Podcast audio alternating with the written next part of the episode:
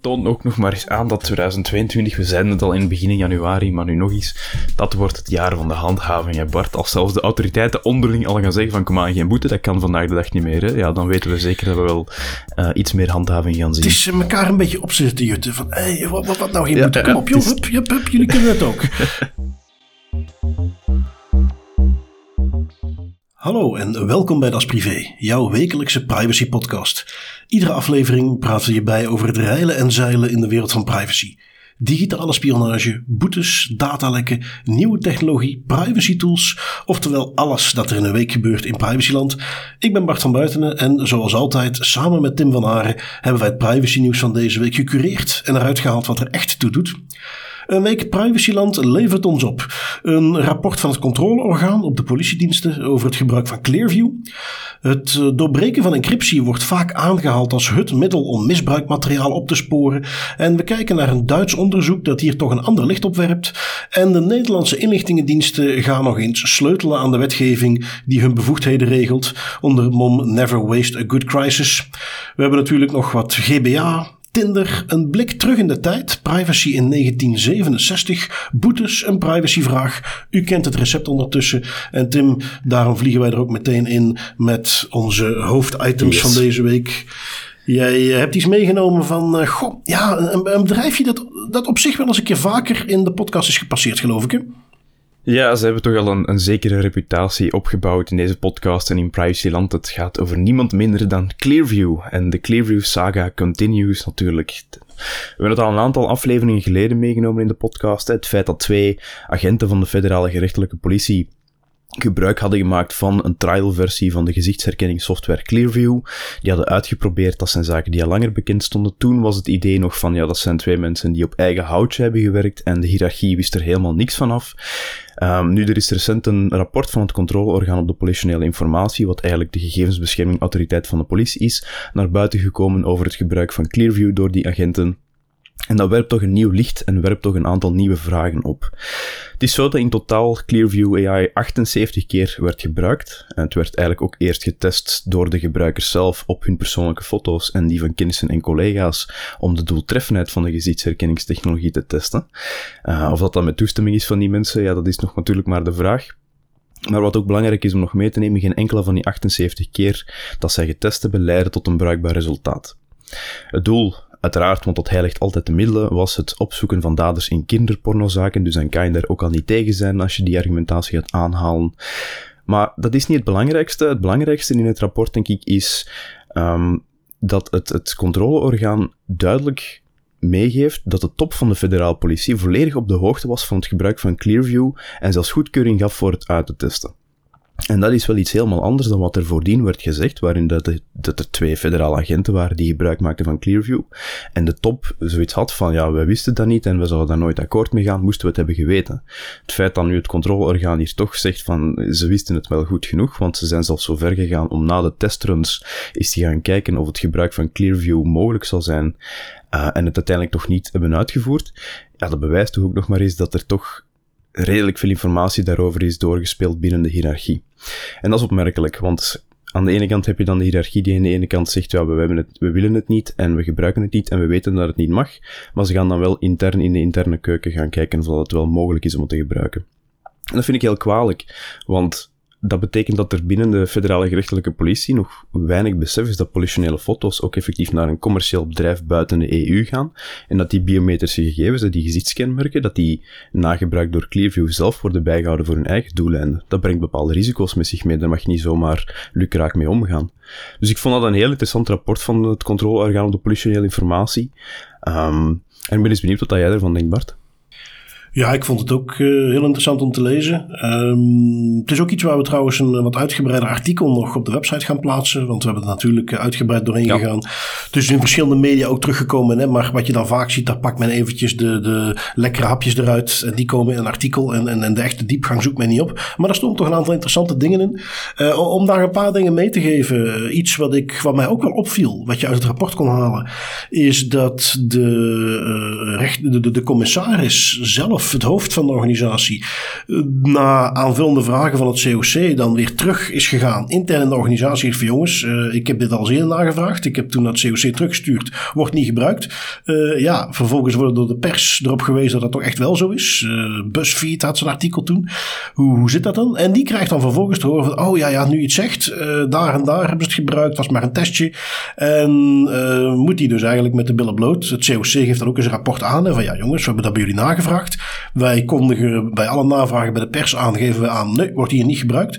En vervolgens blijkt dat het doodelijk toch zo is. Dat, daar, daar klopt toch iets niet. Mm benoemen ook van ja, hoe zit het? Hè? Dat, dat uh, kennelijk in jullie eigen hiërarchie er dan ook mensen op de hoogte waren, maar dat de top het niet wist. Of, uh, nou, ik, wat ik, ik ga niet uit van mijn loog staalhart. Uh, ik, wat ik bijvoorbeeld ook in het rapport terug zie komen. en dat vond ik ook wel opvallend is um, het, hoe men daar tegenaan kijkt, het gebruik van die tool. Dat men helemaal niet het besef leek te hebben wat voor soort tool dit is. En dat men dat bijvoorbeeld beschouwde als het uh, klassieke open source intelligence. Oftewel, uh, je mag online gaan, je mag daar wat bronnen gaan bezoeken, dingen die op Facebook of Twitter staan. Als jij niet, wat we al vaak benoemd hebben, structureel dat gaat monitoren, maar je gaat gewoon op onderzoek uit, mag je die gegevens gebruiken. Dat is open source intelligence. Um, men zag Clearview als gewoon een andere variant van die open source intelligence, van publiek beschikbare informatie. Dat dat ging om een bedrijf wat daar een businessmodel rond heeft opgezet, wat illegaal, in ieder geval in Europa, eh, miljarden foto's heeft verzameld en dat je dat vervolgens gaat gebruiken. Ja, dat leek men op een en dezelfde basis te zetten als het klassieke open source intelligence. Dat vond ik ook wel opvallend. Um, dat is ook een van de, de aanbevelingen uit het rapport, um, uh, waar ik moet zeggen dat ik sowieso de conclusies en de gevolgen ik wil niet zeggen soft, dat klinkt verkeerd, maar uh, nog redelijk gematigd vind. Uh, waarbij ik ook niet weet van ja, wat, moet het controleorgaan anders doen. Hè? Maar goed, een van die aanbevelingen is dus van ja, ga die mensen toch maar eens een keer goed trainen. Dat ze wel beter snappen wat dit voor tools eigenlijk zijn. Wat het betekent om met biometrische gegevens om te gaan. Want uh, dat idee, dit is toch gewoon een andere vorm van open source intelligence. Ja, dat klopt absoluut niet. En je zag ook zo een paar keer terugkomen dat idee van ja, maar we hebben er maar een beetje mee getest. Dat moet toch kunnen? Um, dat, dat zorgde meteen voor die insteek dat het ook heel moeilijk wordt om na te gaan. Waar heeft men de tool nu exact voor gebruikt? Uh, waar is dat eventueel terechtgekomen? Want omdat men het niet zag als echte onderzoeksdaden, is er ook niks van geregistreerd. En is er dus wel wat navraag gedaan, maar is er niks officieel vastgelegd, zoals je dat wel zou doen als je het als een onderzoeksdaad zou zien. Wat gaat toelaten gelogd of geregistreerd, wat dus gaat toelaten om te achterhalen op wat voor manier is dit gebruikt. Um, uh, ik vond dat toch, dat vond ik in het rapport ook wel interessant om terug te zien komen, die, die nadruk die ze legden op van beseffen jullie wel dat je hier politionele gegevens, die überhaupt niet mogen worden doorgegeven, maar die je nu ook nog eens een keer hebt doorgegeven naar een uh, commercieel bedrijf, eh, wat ook nog eens in Amerika gevestigd is, waarvan we weten dat we voor de doorsnee KMO al een probleem hebben om gegevens naar Amerika te mogen sturen. Ja, wat denk je dan als politiedienst? Dus toch een heel aantal tidbits die eruit komen, um, die ja, eigenlijk aanzienlijk zwaarder zijn dan hoe ze tot nu toe werden meegenomen. Daar focust men vooral op van, oh, ze hebben ooit gezegd dat ze het niet gebruikten en nu blijkt het toch. Maar er zit een wat structureler probleem achter. Een idee van uh, we zitten met heel veel nieuwe technologie die op heel veel interessante manieren gebruikt kan worden. En als men daar binnen de federale politiediensten eigenlijk qua training en kennis niet veel verder komt dan oh laten we daar eens mee gaan spelen. Dat is toch eigenlijk best wel een serieus probleem. Ja, ja, ja daar, ga ik, daar ga ik volledig mee akkoord. En, en dat legt ook inderdaad een breder probleem bloot, dat ook binnen al heel veel private organisaties speelt, maar denk zeker ook bij de, binnen de federale gerechtelijke politie. Inderdaad, het feit dat je zomaar kan zeggen van, we gaan lukraak een tool gebruiken, we weten helemaal niet wat de risico's daarvan zijn, wat de impact daarvan is op de mensen waarop we die tool gaan gebruiken. En ja, dat zijn zaken die je niet zomaar op 1, 2, 3 oplost. Aan de ene kant kan je daar zeggen, we moeten het, het niveau van kennis, het niveau van maturiteit binnen de federale gerechtelijke politie op vlak van gegevensbeschermingen gaan opkrikken. Langs de andere kant denk ik ook dat het veel nuttiger zal zijn als bepaalde van die tools, als men vaststelt van ja, hier gaan toch politionele informatie langs vloeien of we gaan die daardoor laten stromen, dat die dan eerst ook eens worden nagekeken door een DPO of door iemand met iets meer ervaring moeten natuurlijk zien dat dat schaalbaar is, hè, want dat gaat als die 100 tools gaan gebruiken per maand, ja, dan gaat dat natuurlijk niet. Dan is die een DPO zo overwerkt als maar kan zijn. Maar het feit dat dat niet langs iemand is gepasseerd met kennis van zaken vind ik ook frappant. Nee, en, men geeft ook duidelijk in het rapport aan, op dit moment is er voor het gebruik van dit soort tools überhaupt geen wettelijke basis. Eh, ze verwijzen ook, eventjes naar uh, Zaventem, Brussels Airport, waar men ook met gezichtsherkenning wilde werken. In een wat andere context, hè. dat is niet een, een, een bron zoals Clearview, maar daar wilde men ook met gezichtsherkenning werken. Zijn ze ook op de vingers getikt, corrigerende maatregelen. Mm Ehm, wat ik ook nog wel leuk vond trouwens in het rapport is eh, dat men uh, wat duidelijker laat zien hoe Clearview precies werkt. Je kunt je daar toch wel een beeld bij vormen, maar ze geven het hier echt stap voor stap geven ze het mee. Je hebt een foto, daar kunnen één of meerdere personen op staan. Je uploadt die foto, dan gaat Clearview zijn zoekding doen. Hoef je voor de rest niks voor te doen. Je hoeft niks te gaan taggen of dingen aan te geven. Het is echt gewoon uploaden, wachten tot je een lijstje krijgt met resultaten. Wat dan dus een lijstje is met linkjes naar Instagram, Facebook, LinkedIn, waar je eh, hits krijgt van matches. Dat ze zeggen, ah, dit is een echte hit. Um, of similar. Dat ze dus zeggen van, oh, zou wel eens kunnen. En dus dan krijg je een flinke luistert en dan kun je dat gaan uh, doorzoeken. Uh, dus ja, uh, benadrukt men ook zeer gebruiksvriendelijke app. Um, geeft ook nog mee dat in de e-mailcommunicatie die met Clearview plaatsvond, dat Clearview toch steeds benadrukte van ja, leef je uit, raadpleeg, gebruik upload zoveel mogelijk foto's. Waarbij men dan dus er ook niet van bewust was dat vervolgens die foto's ook opgenomen werden in de database zelf door Clearview. Dat zal ongetwijfeld ergens in de terms and conditions staan die men uh, vast tot in de treur heeft uitgediept voor men met de proeflicentie aan de slag ging. En ook daar hè, hoe dat in zijn werk ging. Je zit bij Europol, dan is er een soort conferentie, dan is de FBI daarbij aanwezig, laten ze die tool zien.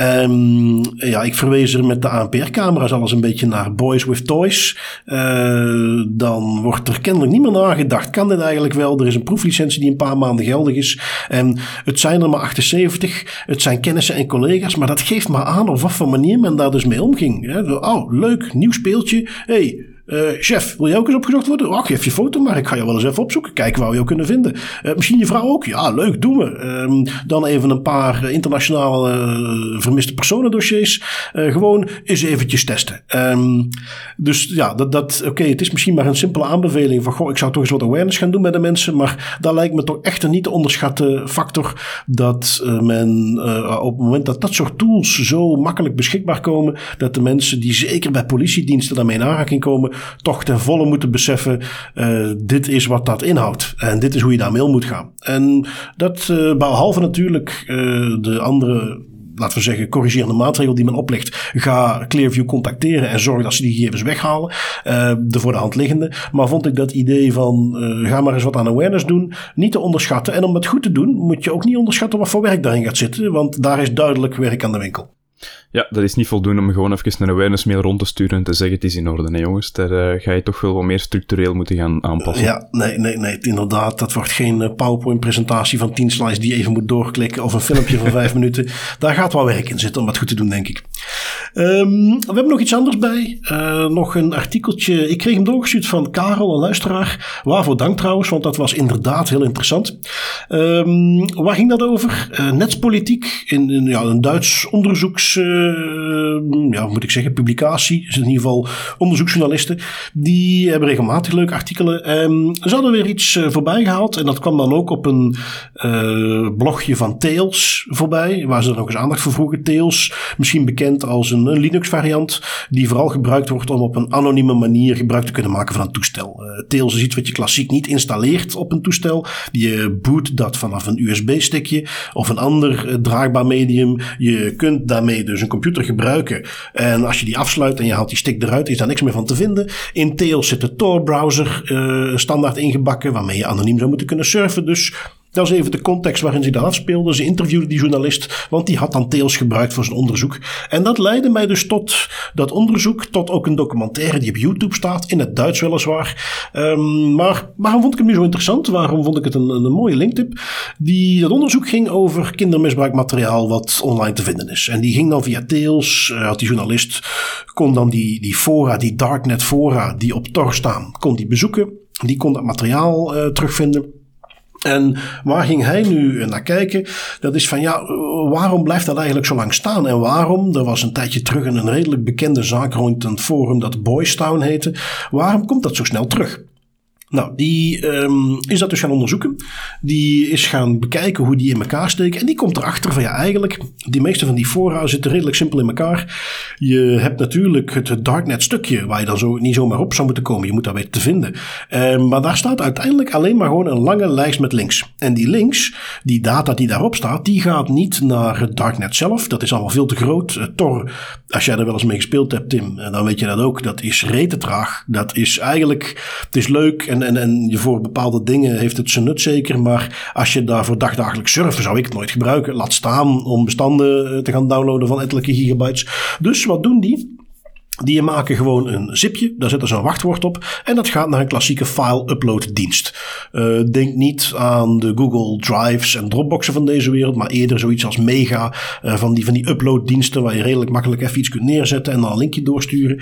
Um, dus die encrypteren dat zipje, zetten dat op zo'n dienst neer. Doordat dat geëncrypteerd is, kan die dienst dat niet scannen. Uh, en vervolgens wordt dat linkje naar, dus gewoon op het normale web, wordt dat linkje op dat darknet gezet. En wat krijg je dus? Een forum zoals dat Boys Town toen was en zoals er vele andere zijn, wat een soort verzamelplek is van linkjes van dingen die wel gewoon op het normale internet staan. En die journalist ging dus kijken, ja, hoe komt het nu eigenlijk dat uh, iedere keer als een forum is opgerold, ja, dat wordt dan binnen de keer staat het er weer. En dat materiaal, ja, dat staat eigenlijk op het, op het normale web. Waarom blijft dat bestaan? En ja, goed, het artikel, het is een, zeer uitgebreid artikel, gaat ook de nuances in wetgeving bekijken, waar daar misschien beperkingen in zitten. Maar bottom line voor mij was, die journalist gaat op een gegeven moment zeggen, weet je wat, ik ga dat eens gewoon zelf proberen. Ik heb uh, 13,5 terabyte aan data of naar linkjes naar data van 13,5 terabyte heb ik verzameld. Dat heeft hij in een dag gedaan, geautomatiseerd. Uh, genoeg materiaal, wat dus, als je dat eventjes zou willen gaan uh, praktisch maken, als je een jaar lang, dag in, dag uit, 24-7 naar dat soort afschuwelijk materiaal zou gaan zitten kijken, dat, dat is 13,5 terabyte. Dus dat is gewoon gigantisch veel. Um, die heeft die dus in een dag verzameld, al die linkjes. Heeft dat vervolgens naar al die file-sharing bedrijven gestuurd met de melding van, hey, dit is eh, kindermisbruikmateriaal materiaal uh, gelieve dat te verwijderen. En binnen een uur allemaal weg. Um, en dat is een beetje de bottom line van zijn verhaal. Van, ik, ik, ik snap niet goed. We, we, hebben aan de ene kant wil men end-to-end encryptie gaan doorbreken. Want dat is nodig om pedofielen op te sporen en kindermisbruikmateriaal tegen te gaan. En dan aan de andere kant, die darknet fora, die weten we te vinden. We rollen ze regelmatig op. Maar dan al het materiaal waar daarna gelinkt wordt, dat blijft gewoon staan. En kijk eens hoe makkelijk het voor mij was om dat verwijderd te laten worden. Die, die file sharing diensten doen daar ook helemaal niet moeilijk over. Op het moment dat die een geëncrypteerde zip zien staan. En die krijgen enige onderbouwing van, hey, dit is gelinkt op een darknet fora voor pedofielen, dan halen ze het acuut weg. Um, en dat, ja, dat, dat zette mij gewoon aan het denken, vooral in die discussie tegen end-to-end encryption. En, en we moeten toegang krijgen tot van alles. Als je nog op het niveau bent dat je nog op deze manier aan materiaal kunt komen, dat het nog zo breed beschikbaar is, wat zijn we dan bezig met encryptie voor de hele bevolking gaan verzwakken als wij nog op die plekken nog zoveel winst kunnen maken? Precies, en dat is ook iets, allee, dat, dat ligt volledig in lijn met wat jij en ik al heel vaak hebben gezegd als het gaat over die strijd tegen end-to-end encryptie onder het mom van het bestrijden van kinderpornografie. Dat, dat, het, dat geeft altijd het gevoel dat het meer gaat om symptoombestrijding in plaats van effectief de bron van het kwaad aan te pakken. En dat is hier hetzelfde, hè. die fora die worden opgerold dat is allemaal heel leuk en wel, maar als inderdaad de links op de achtergrond blijven staan en er komt gewoon twee dagen later een nieuw forum uit de grond gestampt en die links worden daar terug allemaal opgeplaatst, dan zit je met hetzelfde probleem en dan kan je eeuwig blijven doorgaan. Vind ik trouwens ook wel heel chapeau van die journalist dat hij inderdaad een manier heeft gevonden om die links te achterhalen en geautomatiseerd te laten verwijderen. Want dat is een veel effectievere manier in mijn ogen om het probleem aan te pakken, zijnde als die data, als die, die afschuwelijke video's inderdaad niet meer toegankelijk zijn, dan worden die fora ook veel minder interessant, want dan wordt er niks meer op gedeeld. Tuurlijk, tuurlijk. En, en uh, kijk, dat is een strijd op meerdere fronten. Uiteraard wil je ook de, de oorzaak aanpakken. Wil je, maar daar heb je weer het klassieke argument wat uh, die persoon, die journalist in zijn artikel ook aanhaalt. Uh, de, de oorzaak van dat soort misbruikmateriaal. in heel veel gevallen zit hem dat ook in een familiesfeer. Ehm, dus ook daar ga je met het doorbreken van encryptie, dat is niet waar je het gaat aanpakken. Maar vooral inderdaad, dus meerdere fronten. goed, de oorzaak ervan, de verspreiding ervan, maar dus zeker ook de beschikbaarheid van dat materiaal. En als dat iets is wat kennelijk nog in een fase zit, dat je het op deze manier nog aan kunt pakken. Want die, journalist zegt ook, ik ben geen programmeur. Ik heb iemand anders gevraagd om eventjes een toeltje te schrijven die die scraping kon doen. Dus ik point die gewoon naar een bepaalde site toe en die indexeert dat gewoon allemaal. Nou, dat soort scraping tools bestaan ook inderdaad. Dus nee, dat is, um, ja, kijk, er stonden wel argumenten in dat men dan aangaf van ja, maar vanwege die en die reden, ook, de klassieke dingen van ja, maar we kunnen die diensten niet allemaal benaderen en, en jurisdictie en dat is allemaal niet zo makkelijk. Nou ja, hij haalde dat redelijk makkelijk onderuit. En dat is toch iets waar ik, ehm, ja, laat ik zeggen, toch benieuwd naar ben om eens te horen, ook, ook hier, wat daar de beperkingen tegen zouden kunnen zijn en, en waarom er daar niet sterker op ingezet wordt om dat materiaal gewoon van het internet af te vegen. Nee, dat lost het niet op, maar het is opnieuw, het is op meerdere fronten, maar dan ga je toch al een hele belangrijke factor uh, mee te pakken nemen. Um, nu goed, we mhm. hebben uh, een beetje een thema rond handhavingsdiensten, zie ik, zonder dat we het daar heel bewust ons gedaan hebben. Maar uh, de andere headliner die je had meegenomen, Tim, heeft te maken met de Nederlandse inlichtingendiensten. die zijn aan het sleutelen aan de wetgeving die hen hun bevoegdheden geeft. En jij hebt een artikeltje van Bits of Freedom meegenomen daarover. Ja, ja, dat klopt inderdaad. In, in Nederland bestaat er zoiets als de, de Wet op de Inlichtingen en Veiligheidsdiensten. En dat is eigenlijk een wet waarmee geheime diensten bevoegdheden krijgen waarmee ze gegevens van gigantische aantallen Nederlandse burgers kunnen gaan verzamelen. Wordt daarom ook wel eens de sleepnet, uh, sleepwet genoemd, omdat je eigenlijk ja, gewoon een heel net achter je aan kunt slepen en zoveel mogelijk kunt meenemen van wat dat interessant lijkt voor die geheime diensten. En dat is al lang een omstreden wet. Er is al veel verzet tegen geweest, maar uiteindelijk is die wel tot stand gekomen met extra toezingen en waarborgen die de burgers beter beter zouden moeten beschermen. Nu, je had het zelf al gezegd in de intro, Never Waste a Good Crisis, en ook de Nederlandse geheime diensten zijn denk ik een fan van dat motto, want zij gebruiken momenteel de inval van Rusland in Oekraïne om uh, proberen een nieuw, voorlopig nog geheim wetsvoorstel erdoor te krijgen dat hun meer bevoegdheden zou moeten geven. Nu misschien een vraag voor jou Bart, maar je mag eens schokken wat er in dat wetsvoorstel zou staan. Ik uh, heb het niet gezien, maar uh, ongetwijfeld gaat dat iets zijn in de zin van: kijk eens, cyberwarfare, kijk naar de oorlog. We hebben niet genoeg informatie, we moeten meer bevoegdheden hebben en we moeten meer uh, data mogen onderscheppen. Yes, klopt. Right on the money. Exact, hè. Dus ze zeggen gewoon van ja, we hebben een nieuwe big bad, we hebben Rusland, we hebben meer informatie nodig om, om aan Nederland te beschermen, dus geef ons maar extra bevoegdheden en een aantal van de ingebouwde waarborgen die nu in de wet zitten, die moeten eruit. En de trend lijkt vooral gericht op het gemakkelijker maken om bulkdata te verzamelen en te verwerken. Um, en er zijn een aantal interessante passages die ik daar nog over kan meegeven, want het is voorlopig nog een geheim wetsvoorstel, maar een aantal kranten en journalistische entiteiten die hebben al toegang gekregen tot het wetsvoorstel en hebben daar een artikel over gepubliceerd, onder andere de Volkskrant en de NRC. Um, ehm, nu is het zo dat er in de wet een gerichtseis is. Dat is eigenlijk een verplichting om de bevoegdheden van de geheime diensten zo gericht mogelijk in te zetten. Je moet nog altijd kunnen aantonen waarom dat je die bevoegdheden inzet voordat je dat mag gaan doen. In het wetsvoorstel wordt dat integraal geschrapt, dus die gerichtseis die is eruit. Men kan het gewoon allemaal gaan doen. En er, komt een nieuwe, er zou een nieuwe bevoegdheid komen om de sleepnet uh, ongericht in te zetten voor target discovery. Oftewel gewoon lukraak ongericht meekijken en luisteren met het hele internet in de hoop dat er iets interessants naar boven komt in die gigantische berg data. En om die bergen data te verwerken, uiteraard mag een algoritme niet ontbreken. En dat kan nu ook al wel. Je kan al algoritmes gaan inzetten als geheime dienst, maar dat moet na toestemming van een toetsingscommissie. En ook dat controlemechanisme moet uiteraard geschrapt worden, want dat is allemaal heel vervelend. Dat is papierwerk en bureaucratie. En de geheime dienst wil natuurlijk gewoon zijn job kunnen doen. Ik vind dat heel zorgwekkend, want dat gaat heel erg ver. En het is, het is natuurlijk nog maar een wetsvoorstel. Het moet er nog doorkomen. Het is allemaal heel drastisch. Maar het geeft nog maar eens wel mee wat dat de intenties zijn van de geheime diensten. En dat men eigenlijk liever heeft dat de burger zo weinig mogelijk beschermd wordt. En dat vind ik wel heel zorgwekkend. Ja, het is, ik heb hem ook voorbij zien komen wat ik wel interessant vind aan deze discussie, en, en dit is een van de weinige varianten, landen waar ik die, discussie echt in detail heb kunnen volgen, vanwege die podcast die wij hier al vaker getipt hebben, eh, Cyberhelden, uh, van Ronald Prins, hè, dat is die, die uh, vroegere topman van Fox IT, die ook in het verleden zelf bij de, dat heette toen nog de BVD, de Nederlandse Veiligheidsdienst, nu de AIVD heeft gewerkt. Um, en die dus vaak mensen voorbij laat komen die dan meer de kant van de inlichtingendiensten meegeven. Um, je natuurlijk altijd uh, voorzichtig moet zijn. Ik bedoel, die voorbeelden hebben we uit de Amerikaanse context vaak genoeg gezien. Dat uh, te weinig toezicht en te veel bevoegdheden tot problemen leidt. Um, krijg ik uit de gesprekken die daar voorbij komen ook vaak het idee van ja, maar dat toezicht is in Nederland een beetje doorgeslagen. Wij, wij kunnen uh, dingen niet doen, wij kunnen ze niet snel genoeg doen, omdat er op veel te veel manieren uh, eerst vooraf toestemming moet worden gegeven. En Oké, voor de duidelijkheid, zoals het er nu in zou staan, uh, de twee commissies die je hebt gewoon opheffen. Uh, de ene commissie die degene is die bindende voorschriften op kan leggen, dat is natuurlijk degene die ze willen opheffen en gaat veel te ver. Um, maar ik heb toch, en, en opnieuw, we weten goed genoeg dat jij en ik daar uh, zeer aan de kant van privacy zitten.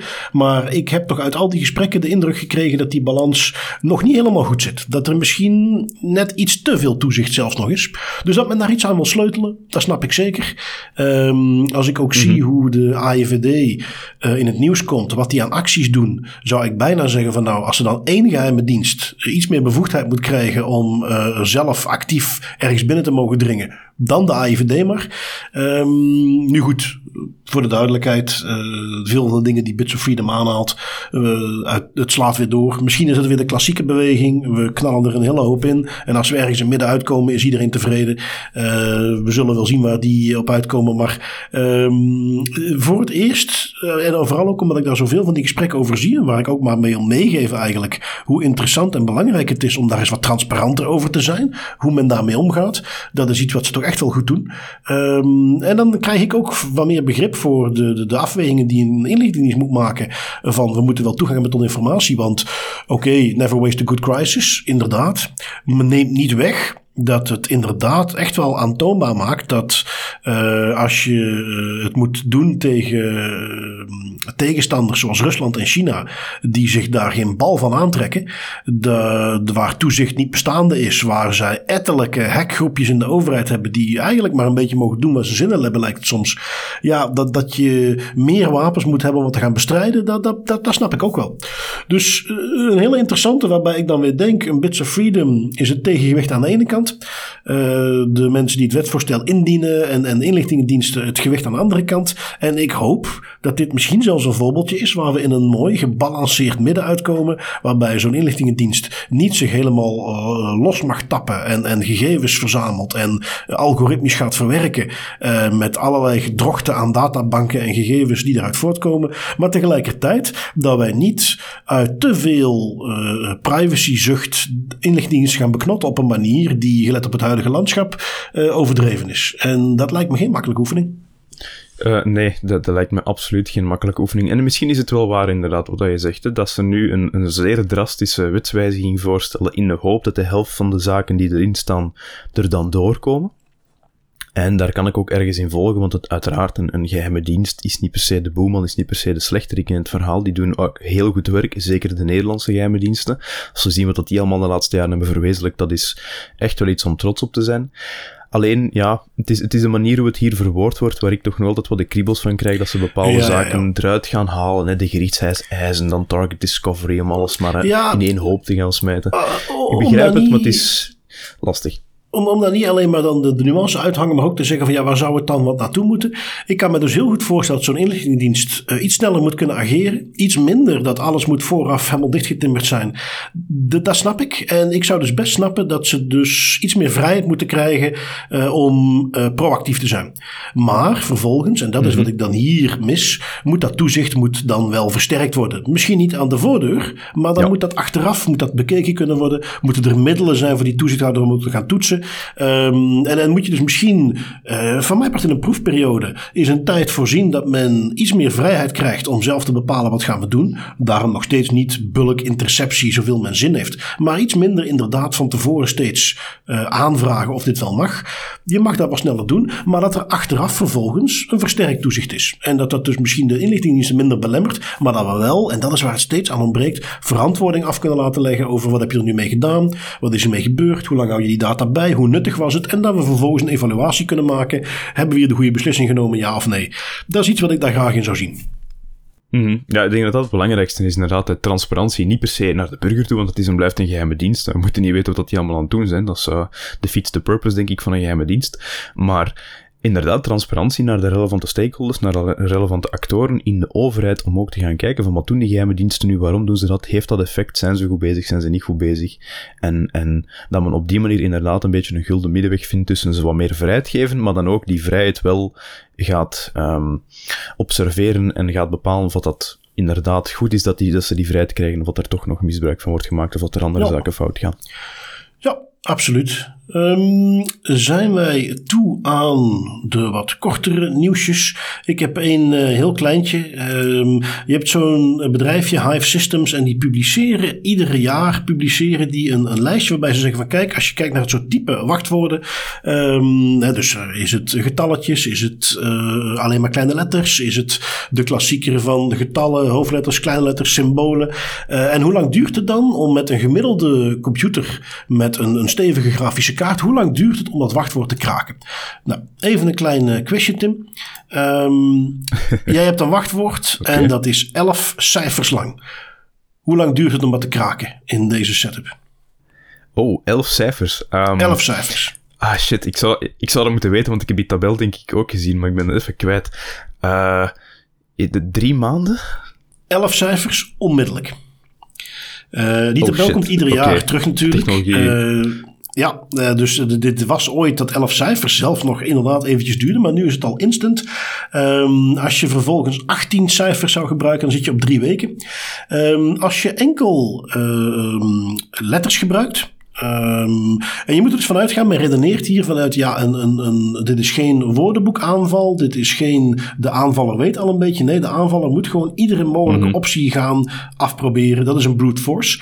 Als je dus alleen maar kleine letters hebt gebruikt, uh, moet ik toegeven, dan verbaast het me al, dan vanaf dat jij 13 letters gebruikt, dus dat is gewoon alleen maar kleine lettertjes achter elkaar, dan zijn ze al twee maanden bezig. Um, maar om maar aan te geven waarom het afwisselen toch best wel een goed idee is, als jij zonder symbolen maar jij gebruikt nummers, hoofdletters, kleine letters. En jouw wachtwoord is 12 karakters lang. Is tussen haakjes wat ik zelf altijd gebruik als de minimumlengte. Dan ben je al 200 jaar bezig. Dus als ik even kijk wat ik, en dat stelde mij toch een beetje gerust, want ik begon er zelf recent aan te twijfelen. Um, dat ik toch, uh, tenzij het echt om een account is die me helemaal niets interesseert, uh, heb ik wachtwoorden van minimaal 12 karakters met inderdaad een getal, een hoofdletter, kleine letter en een symbool. En dan zijn we 3000 jaar verder eer dat die gekraakt zijn. Dus dat geeft de burger moed. Ja, no worries. En als je het nog beter wilt doen, gebruik dan ook meteen een password manager. Dan maakt het allemaal nog een pak gemakkelijker om al die vervelende wachtwoorden te herinneren.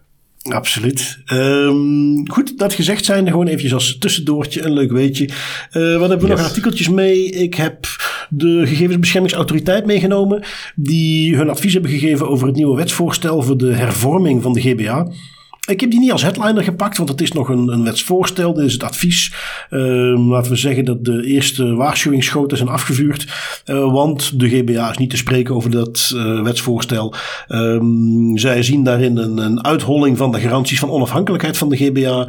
Een eh, risico van verlamming. Vooral omdat zij zeker qua budget er weer niks bij krijgen. En om dat toch even nog eens heel erg te benadrukken. Als je kijkt naar productiviteit, is de Belgische GBA gewoon een van de meest ondergefinancierde autoriteiten die we zien.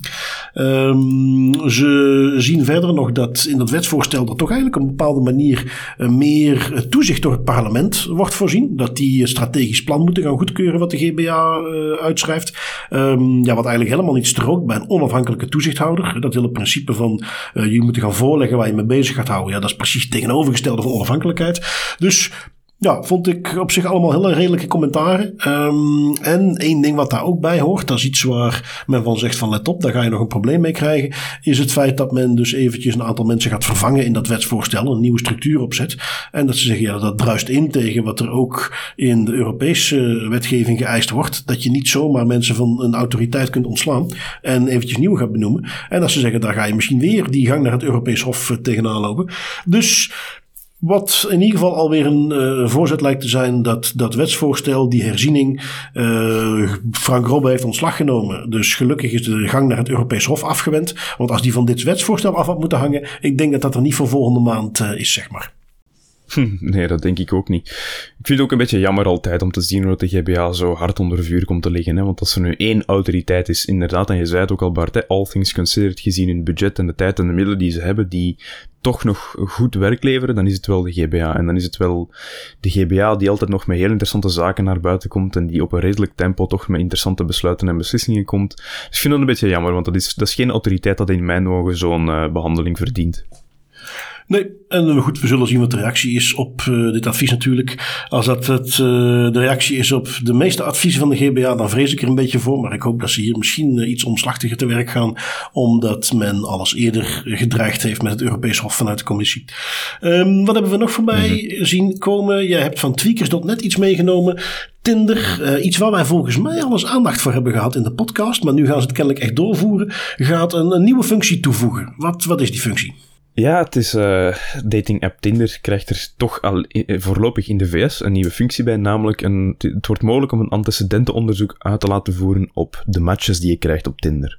En met die functie wordt het dus inderdaad mogelijk om op de site van non-profit Garbo te gaan zoeken op een match, om te weten te komen of er een bepaald strafrechtelijk verleden speelt. En dat doen ze omdat Garbo um, openbare gegevens van arrestaties, veroordelingen en zedendelinquenten verzamelt in de Verenigde Staten. Die stopt dat allemaal in één grote pot, in één grote databank, en dan kan je erop gaan zoeken op basis van, ik denk dat het voornaam een telefoonnummer was en eventueel ook de leeftijd. Wat ik ook altijd um, een beetje ironisch vond, als ik dan een beetje me daarin ben gaan verdiepen, is dat in de privacy policy van Garbo staat dat zij zoveel mogelijk persoonsgegevens afschermen, maar tegelijkertijd zijn ze wel een dienst die publieke records van uh, strafrechtelijke verledens van mensen gewoon openbaar zet en zoekbaar maakt. Dus dat vind ik een beetje cru dat ze dat, een vreemd dat ze dat op die manier verwoorden. Um, en wat ik daar ook, en dat is misschien mijn eigen persoonlijke ongezouten mening daarover, maar ik vind dat, dat Tinder en Garbo het hier heel vreemd uh, aanpakken en heel vreemd verwoorden. Want ze zeggen, het, kost 2,5 dollar, plus je moet dan nog een tarief betalen voor de afhandeling van je verzoek. Um, en in mijn ogen is dit gewoon de gebreken van dating services, digitale dating services. Dus niet weten met wie je in contact komt en de, in mijn ogen wel terechte bezorgdheid van uw klanten gaan misbruiken om nog een beetje extra geld te gaan verdienen via een betaalde zoekservice die loopt via een non-profit.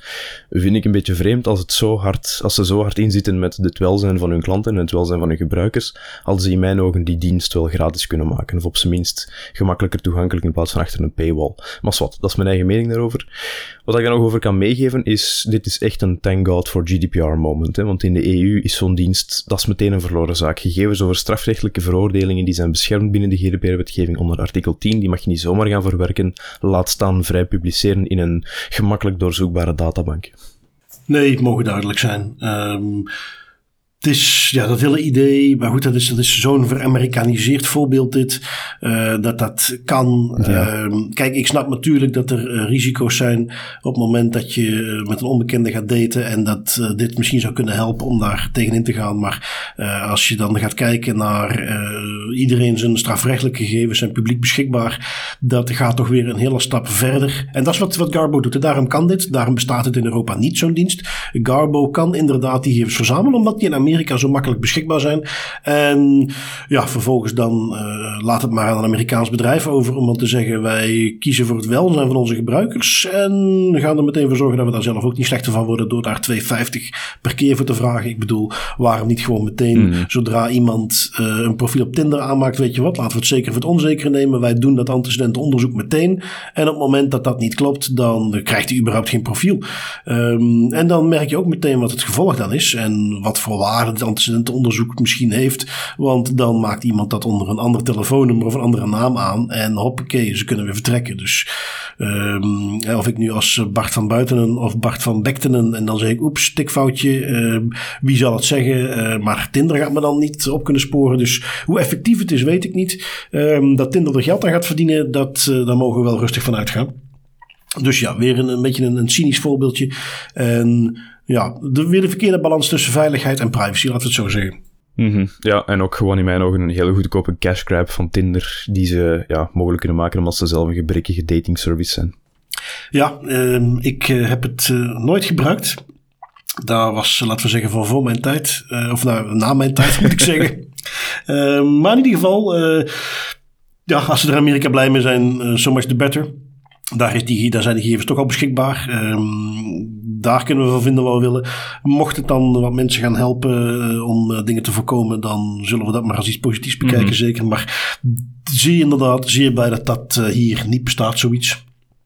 Um, neemt niet weg dat men uh, gegevens over jou, uh, of als men achter, achter dat soort gegevens kan, dat men die nog steeds wel gaat proberen om je af te persen. Uh, laat daar een aantal criminele masterminds vooral niet over inzitten. Die maken daar gretig gebruik van. hoe kom ik daarmee? Um, ik heb een artikeltje van Pointer van de KRO. Dat is een soort ja, documentaire onderzoeksprogramma. We hebben die alles voorbij laten komen. Toen het ging om die Telegram groepjes waarin dan uh, gegevens van uh, vrouwen gedeeld werden die vervolgens gestalkt werden. Ook vaak uh, foto's, naaktfoto's. Um, nu hebben ze in dezelfde lijn een beetje een, een ander verhaal. waarin ze kennelijk erachter zijn gekomen dat er een heleboel uh, sekswerkers gecontacteerd worden. Die krijgen een berichtje van: hey, je krijgt van mij 300 euro, wat ik meteen van tevoren overmaak. Als je mij toezegt dat je mij een lijst gaat geven van je klanten. Um, de lijst met telefoonnummers, namen. Uh, en ja, opnieuw, je krijgt van mij zo 300 euro. Uh, wat is dan het gevolg? Je voelt hem misschien al aankomen. Die lijst met klanten gaan vervolgens sms'jes krijgen. Hé, hey, vuile hoerenloper. Uh, ik weet wie je bent. Ik weet waar je woont. Als je niet wilt dat heel je familie dit met alles en nog wat te zien krijgt, dan kun je maar beter zoveel overmaken op dit rekeningnummer of via bitcoin of wat het ook mogen zijn. Um, ja, en uh, uiteraard is dat redelijk effectief. Um, ja, ik, opvallend dat zoiets gebeurt. Misschien moet je er niet van staan te kijken. Uh, maar goed, dat is dus waar dit artikeltje over ging. En waar ze dat uh, op het spoor kwamen.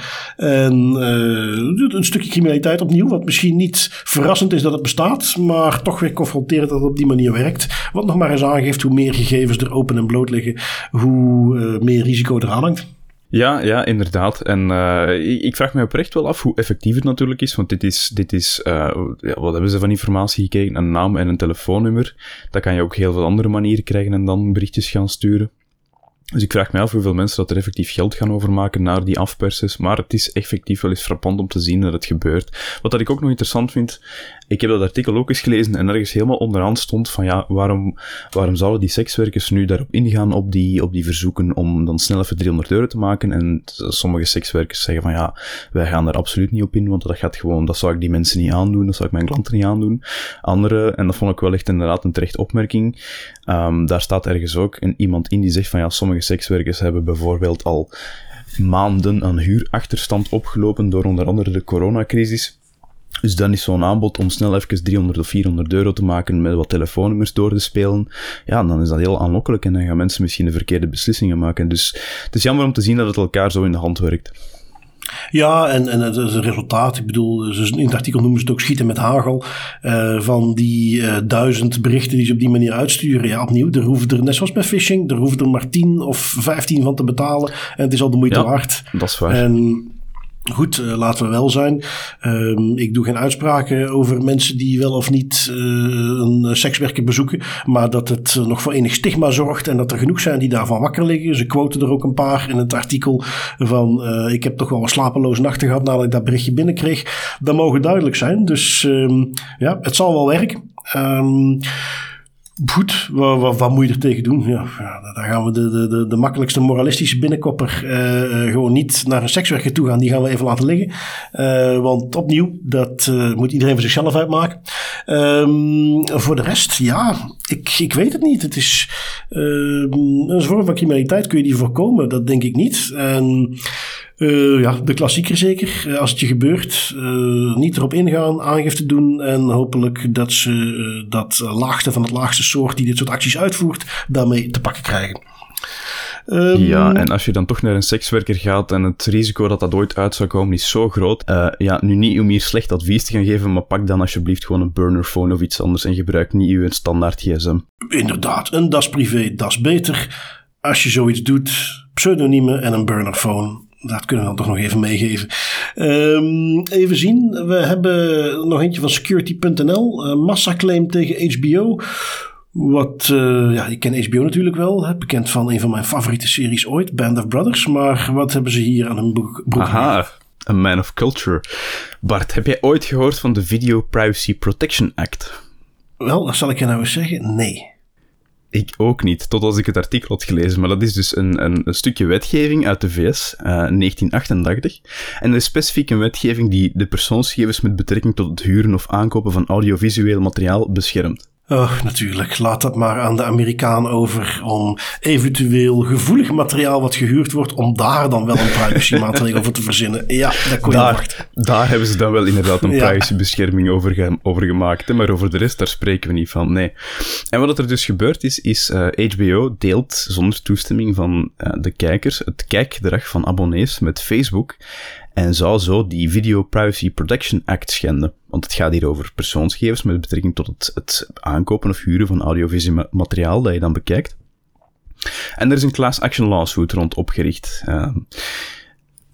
HBO vermeldt uiteraard wel dat er cookies gebruikt worden om gepersonaliseerde advertenties te tonen op hun website en in hun privacy policy, maar de mensen die de, de massaclaim hebben opgericht zeggen wel dat voor het kijkgedrag of voor delen van informatie over het kijkgedrag een aparte toestemming nodig is volgens die Video Privacy Protection Act. Wat het eigenlijk nog saillanter maakt, is dat de klagers ook stellen dat HBO goed genoeg weet dat Facebook dergelijke, dergelijke gegevens combineert en gebruikt voor eigen doeleinden, omdat HBO zelf grote klant is bij Facebook en die info gebruikt om advertenties aan hun eigen abonnees te tonen. Dus we zitten echt full circle. HBO geeft gegevens over het kijkgedrag door naar Facebook. Facebook gebruikt die gegevens om betere advertenties te maken en HBO kan beter adverteren naar hun kijkers. Vandaar die massaclaim. Ik ben benieuwd wat dat daarvan gaat komen. Ja, uh, wat dat betreft, als zoiets dan in Amerika eens een keer tot bij een rechtbank komt, zijn ze meestal wel geneigd om daar een hele flinke claim tegenaan te gooien. Dat moet je ze dan wel weer nageven.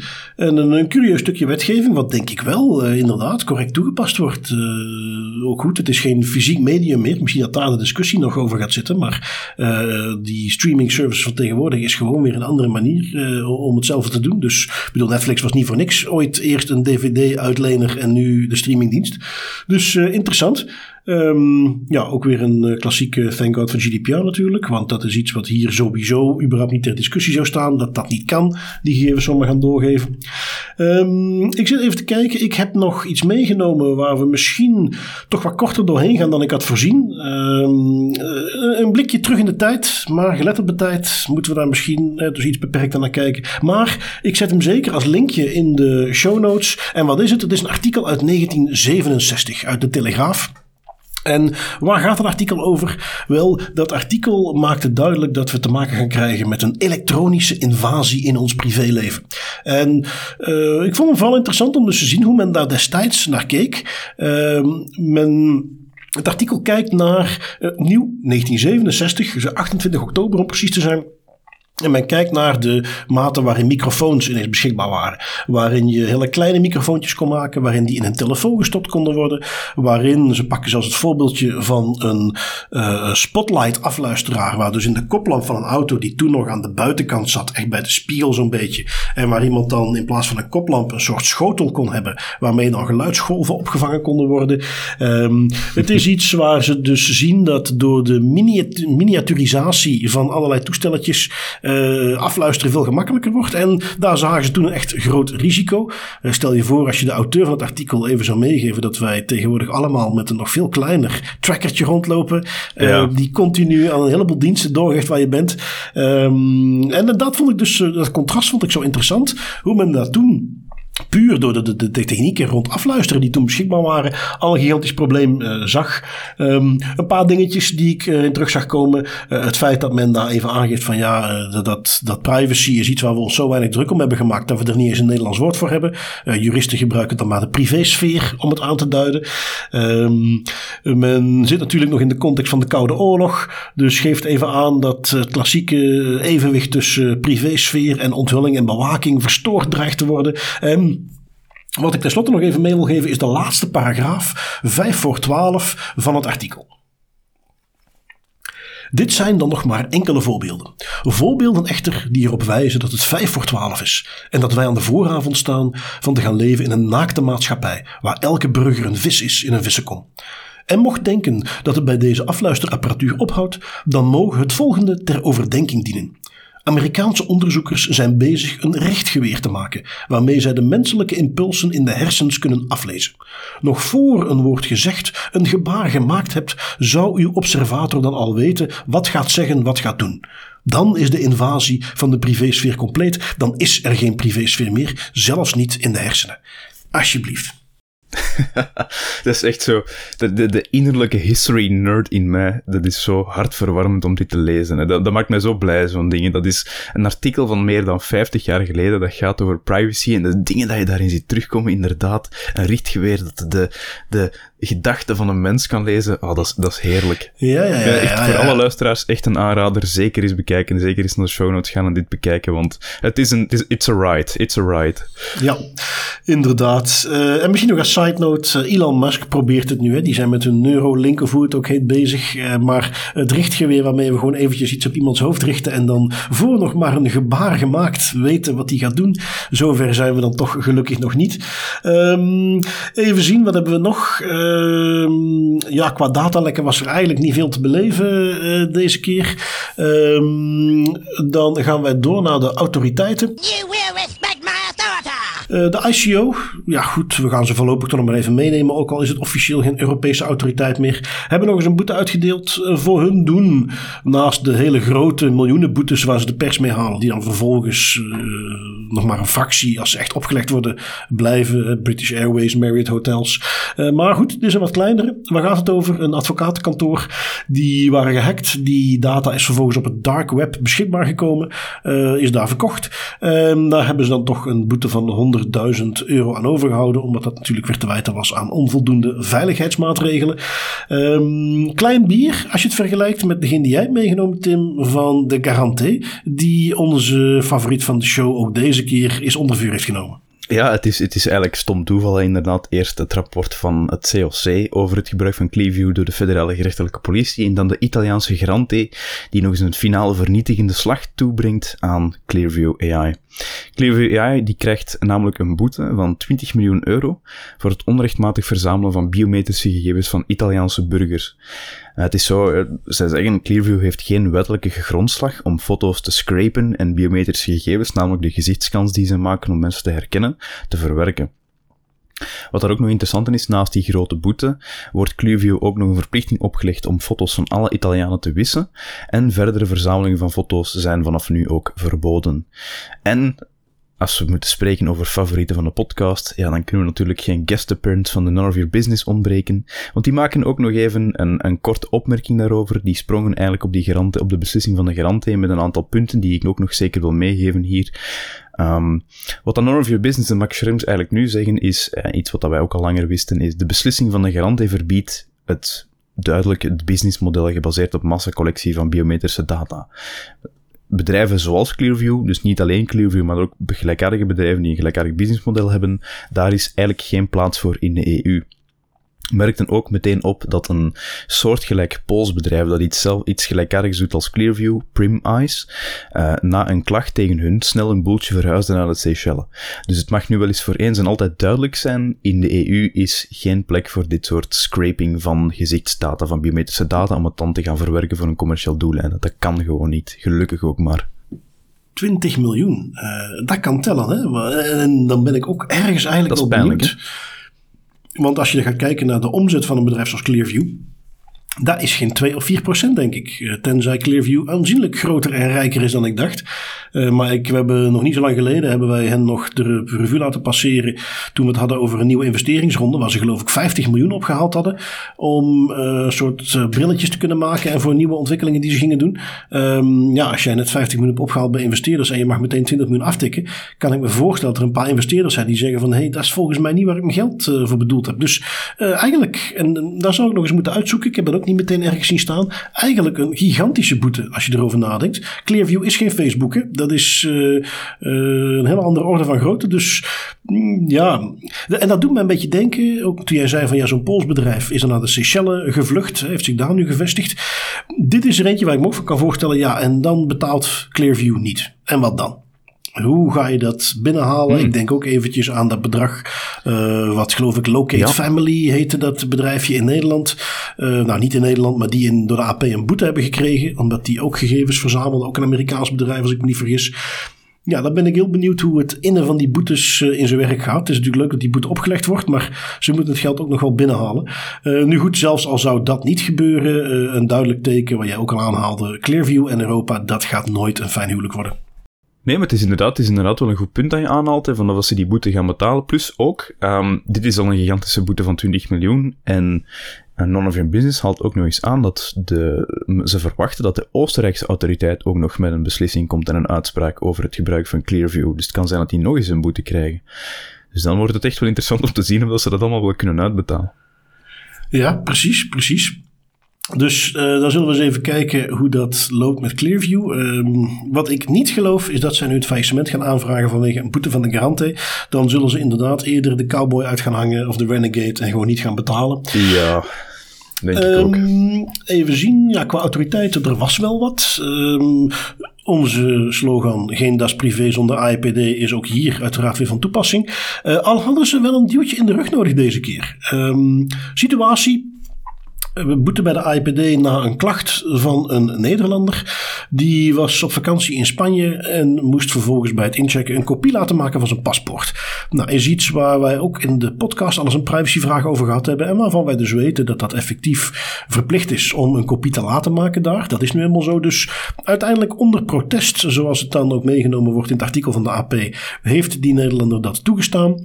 Um, was daar al niet content mee. Gaat vervolgens dan iets eten in het restaurant, iets drinken laat zijn keycard scannen door de ober. En wat ziet hij tot zijn afschuw? Op de tablet van de ober is toch gewoon een foto uit zijn paspoort, zichtbaar met zijn naam en toenaam. Um, nou, tot hier en niet verder, heeft hij gezegd. Dit pik ik niet. Is een klacht gaan indienen bij de IPD. Um, de IPD heeft dat bekeken en zei in eerste instantie van... Goh, weinig aan de hand. Ze moeten kunnen verifiëren of jij wel effectief in die kamer zit. Um, maar goed, de autoriteit persoonsgegevens als de Nederlandse autoriteit is hier ook betrokken partij. We gaan dat even voorleggen aan hen. En de AP zei van ja, maar uh, goh, dat bestaat toch al langer dat principe. Uh, naam en kamernummer is toch tot op heden altijd voldoende geweest. Dus we zien niet meteen waarom het iets anders moet zijn. Dus wij verwachten dat jullie hier een boete gaan opleggen. De AIPD heeft daar eens even over nagedacht en besloten dat de AP toch wel gelijk had. En hebben dus effectief een boete van 30.000 euro opgelegd voor het onnodig verwerken van gegevens uit het paspoort, zoals de foto. En geven dus ook aan, uh, het moet inderdaad volstaan om kamernummer en naam te vragen. Die mag je dan best matchen. En dat moet dan uh, genoeg zijn. Dus dat was weer eentje vanuit onze allervriend de AIPD. Um, je hebt er nog eentje meegenomen van over de zee. De Weight Watchers krijgen een boete. Ja, ja, inderdaad. Een iets minder frequente gast, maar geen onbelangrijke. De Amerikaanse FTC legt Weight Watchers een boete op van anderhalf miljoen dollar voor een inbreuk op de Amerikaanse Children's Online Privacy Act, of COPPA. Wat dat COPPA eigenlijk doet, onder andere, is dat verplicht bedrijven om toestemming te vragen aan ouders bij de verwerking van data van kinderen onder de 13 jaar. En dat is waar Weight Watchers hier in de fout ging, want zij bieden of boden eerder een gewichtsverlies aan voor kinderen, waarbij geen toestemming werd gevraagd om allerlei persoonlijke en gezondheidsinformatie te verwerken, noch dat de data eigenlijk goed beveiligd werd en zonder bewaartermijnen werd bewaard. Dus FTC heeft daar gezegd van, ho jongens, dat kan niet zomaar, hier moeten we toch wel ergens een schikking treffen. En dat is een schikking geworden van anderhalf miljoen dollar. En de Weight wordt nu ook de verplichting opgelegd om alle data maximaal één jaar na de laatste activiteit van de account te bewaren. Oké, okay, nou ja, goed. Um, ja, zoals we al vaker zien, hè, ze hebben misschien geen uh, overkoepelende fatsoenlijke privacywetgeving, maar zo af en toe is er toch iets heel specifieks, zoals hier dan. Weight Watchers, mhm. ja, je hebt geen toestemming gevraagd. Tot mijn verbazing, ik zag ook niks staan. Er zit voor de rest niks aan vast van, ja, Weight Watchers ging dan die kinderen profileren, ging die gegevens doorverkopen. Uh, het is redelijk beperkt tot gewoon het feit dat ze die gegevens verzamelden. Um, en ja, dan zie je maar weer, uh, waar wij misschien zouden zeggen van, nou, dat, er zijn ergere overtredingen, krijg je dan hier wel meteen eventjes anderhalf miljoen boete. Um, en, en ja, wat we net zagen bij de, de IPD, de AP, dus die, die Europese samenwerkingen en dat dan de ene tegen de andere zegt van hé, hey, ik ben het hier niet mee eens, um, zien we toch wel vaker terugkomen. Ik herinner me, die heb ik nu niet meegenomen, maar ik zag er nog eentje voorbij komen uit Duitsland. Of waar toch in ieder geval de. Oh nee, sorry, dat is precies deze. Uh, ik, ik ben in de war. Uh, de knil had de Franse autoriteit had ook weer iets waar ze een uh, berisping wilden opleggen. Een verwerking waarbij er uiteindelijk uh, schade was geleden door een onjuiste beveiliging. Um, inhoudelijk niet super interessant, is iets wat we wel vaker zien. Maar wat ik dus hier ook weer interessant vond, is dat dit weer een internationale samenwerking was. Waar meerdere autoriteiten, zeven om precies te zijn, erbij werden betrokken uit Europa. Um, waar de Berlijnse autoriteit in dit geval zei van ja, jullie hebben hier helemaal geen boete voorzien. Wij vinden dat hier wel een boete voor opgelegd moet worden. En waarbij dan kennelijk de knil hier ook weer dacht van nou, dat is het duwtje dat we nodig hadden. En dan meteen even overgaat tot 120.000 euro boete. Wat ik op zich wel interessant vond, dat men van ah, we gaan geen boete opleggen naar een andere autoriteit die zegt van nou, dat zou ik eigenlijk wel doen. En dat men dan besluit van nou, benader inzien 120.000 euro. Dat is nogal een uh, omslag. Ja, dat is, dat, is, uh, dat is stevig. En dat toont ook nog maar eens aan dat 2022, we zijn het al in begin januari, maar nu nog eens, dat wordt het jaar van de handhaving, hè Bart. Als zelfs de autoriteiten onderling al gaan zeggen van kom aan, geen boete, dat kan vandaag de dag niet meer. Hè? Ja, dan weten we zeker dat we wel uh, iets meer handhaving gaan zien. Het is elkaar een beetje op zitten jutten. Van, hey, wat, wat, wat, nou geen boete? Ja, kom op, joh, is... hup, hup, hup, jullie kunnen het ook. en dan zo ineens, oh, nou, weet je nu het zegt. En dan niet zeggen van, oh ja, goed, oké, okay, hier 10.000, 20.000 euro. Nee, hop, oké, okay, 120.000 euro. Uh, gaan we er meteen voor. Um, goed, dat waren de beslissingen van de autoriteiten die wij deze keer meenemen. Uh, ongetwijfeld volgende week meer. Ik heb nog een privacyvraag. Dat was om precies te zijn een vraag van Jonas. Jonas zijn vraag is de volgende. Um, ik had een vraag die me interessant leek voor de podcast, namelijk de verhouding tussen de data residency en de EU-datagrens, die we intussen door enkele grote techpartijen zien. Waaronder Microsoft, die met trots aankondigt na Schrems 2 en het advies van de Vlaamse toezichtcommissie, uh, dat zij dus daar een oplossing voor hebben met wat ze dan noemen hun data boundaries. Um, de Jonas linkt ook eventjes naar het artikel waarin Microsoft tegelijkertijd aankondigde dat ze dan gingen investeren in een datacenter in België, wat natuurlijk politiek gezien altijd goed Um, en uh, ja, goed, uh, Jonas, een concrete vraag is dan: als ik de uitspraak van Schrems 2 niet fout interpreteer, dan mag die locatie van het datacenter geen impact hebben op het feit dat het als Amerikaanse partij Microsoft nog steeds gedwongen kan worden om gegevens vrij te geven en je dus in die zin het geen oplossing biedt Um, dit is in die zin geen privacyvraag waar we heel lang over kunnen discussiëren. Want uh, Jonas, je hebt helemaal gelijk. Dat is inderdaad geen oplossing. Um, dat is een marketing push die. En, opnieuw, ik weet dat de techbedrijven à la Microsoft zelf ook helemaal niet blij zijn met uh, die wetgeving. En ze dus marketingtechnisch alles doen wat ze kunnen om daar in ieder geval iets tegenin te kunnen gaan. En dit is daar een ander voorbeeldje van. Uh, want inderdaad, het feit dat het dan een Belgisch datacenter zou zijn, verandert niks aan het feit. Dat is ook waar Cloud Act specifiek voor in het leven geroepen is, uh, omdat Microsoft een bevel aanvocht om uh, Ierse data van een Ierse server over te moeten geven aan uh, inlichtingendiensten. Um, de Cloud Act is toen vervolgens op het laatste moment, toen die, die zaak naar het Supreme Court ging, is die geschreven om ervoor te zorgen dat ze simpelweg kunnen zeggen: Jij bent een Amerikaans bedrijf, maakt ons niet uit waar die data staat, je moet die kunnen geven als je er toegang toe hebt. dus nee, inderdaad, puur locatie um, maakt daar niks voor uit. even meegeven, heel kort, dat is iets waar we misschien nog eens een keer een apart aparte aflevering aan kunnen wijden. Maar Microsoft heeft samen met een heel consortium die daarmee bezig zijn, uh, die zijn aan het werken aan iets wat confidential compute heet. En als je in de situatie zit dat je toch die clouds moet kunnen gebruiken um, en je, je, wilt naar een oplossing zoeken, confidential compute zou ervoor moeten zorgen. Zorg ervoor, als het goed is toegepast, dat je wel op een Microsoft Cloud zit, maar dat zij op geen enkele manier aan die data kunnen. En opnieuw is niet iets wat Microsoft zelf heeft bedacht in zijn consortium. Dus om die toch heel kort even mee te geven als je in die context in die clouds zit um, en je moet je om een of reden toch kunnen gebruiken. Uh, confidential compute is iets waar je eens naar kunt kijken. Um, en dus als antwoord samenvattend op Jonas' vraag: nee, de fysieke locatie maakt niet uit. Uh, als je een Amerikaanse partij bent, kan die data wel degelijk opgevraagd worden. Um, zijn we toe aan onze privacy pointers? Tim, ik kijk voor de eerste naar jou. Wat heb jij meegenomen? Ik heb uh, nog eens een, voor de verandering eens een leestip meegenomen, maar geen boek, maar wel een blog. En het is uh, de Conti Ransomware Group Diaries blog van Brian Krebs. Geschreven door Brian Krebs, dus op basis van gelekte chatlogs van de ransomware groep Conti. En ik vind dat heel tof, want dat is eigenlijk een blog in een aantal hoofdstukken die um, eens diep gaat kijken en in een soort van verhaaltje uitlegt wat er gebeurt achter de schermen bij de Consi ransomware groep. Van het omgaan met de rechtszaak en de stress dat daarbij komt te kijken tot het inbreken van, tot het ontbreken eerder van degelijk middelmanagement en alle problemen dat dat met zich meebrengt. Het geeft eigenlijk eens een blik achter de schermen weer van een groep die wereldwijd hele bedrijven plat ligt en de, de struggles en de problemen waar zij mee te maken hebben. Ik vind dat echt heel, uh, heel leuk. Ik uh, vraag me af wanneer de eerste Netflix-verseriering hiervan uh, te zien gaat zijn. Da, want hier moet toch wel iets mee te doen zijn. Dat zou ook wel eens een goed idee zijn. Want het zijn dus inderdaad gewoon, het is een heel hoop chatlogs die gelekt zijn. En Brian Krebs gaat die gewoon verzamelen en in een soort van verhaal gieten. En dat is, ja, dat is heel tof om te lezen. Ja, absoluut. Uh, ik heb iets meegenomen wat uh, niet een, een, een, tipje of een toeltje of iets anders is, maar is iets anders. Um, een van de doelstellingen van, van de podcast, ook van de Das Privé VZW die we hierachter hebben zitten, is om uh, kennisverspreiding rond privacy te kunnen verbeteren. Te zorgen dat dat bij meer mensen bekend is. Nou, daar helpt deze podcast natuurlijk al voor, maar ik wil de luisteraars een challenge meegeven. Um, iets relatief simpels, maar wij willen graag van jullie horen op welke manier heb je aan de hand van onze tooltip pagina of op een manier die je zelf hebt gedaan, heb jij iemand anders recent aangezet om iets te wijzigen? Um, is het overstappen van Gmail naar ProtonMail? Is het het gebruik van Flexmail in plaats van Mailchimp van de Amerikaanse partij? Is het een wachtwoordmanager? Iets waar, uh, overstappen naar Signal, om die toch zeker niet te vergeten. Iets waarvan je zegt, daar heb ik nu recent mijn steentje bijgedragen om mensen te helpen meer privacybewust om te gaan met hun gegevens. Dat zou ik heel graag horen.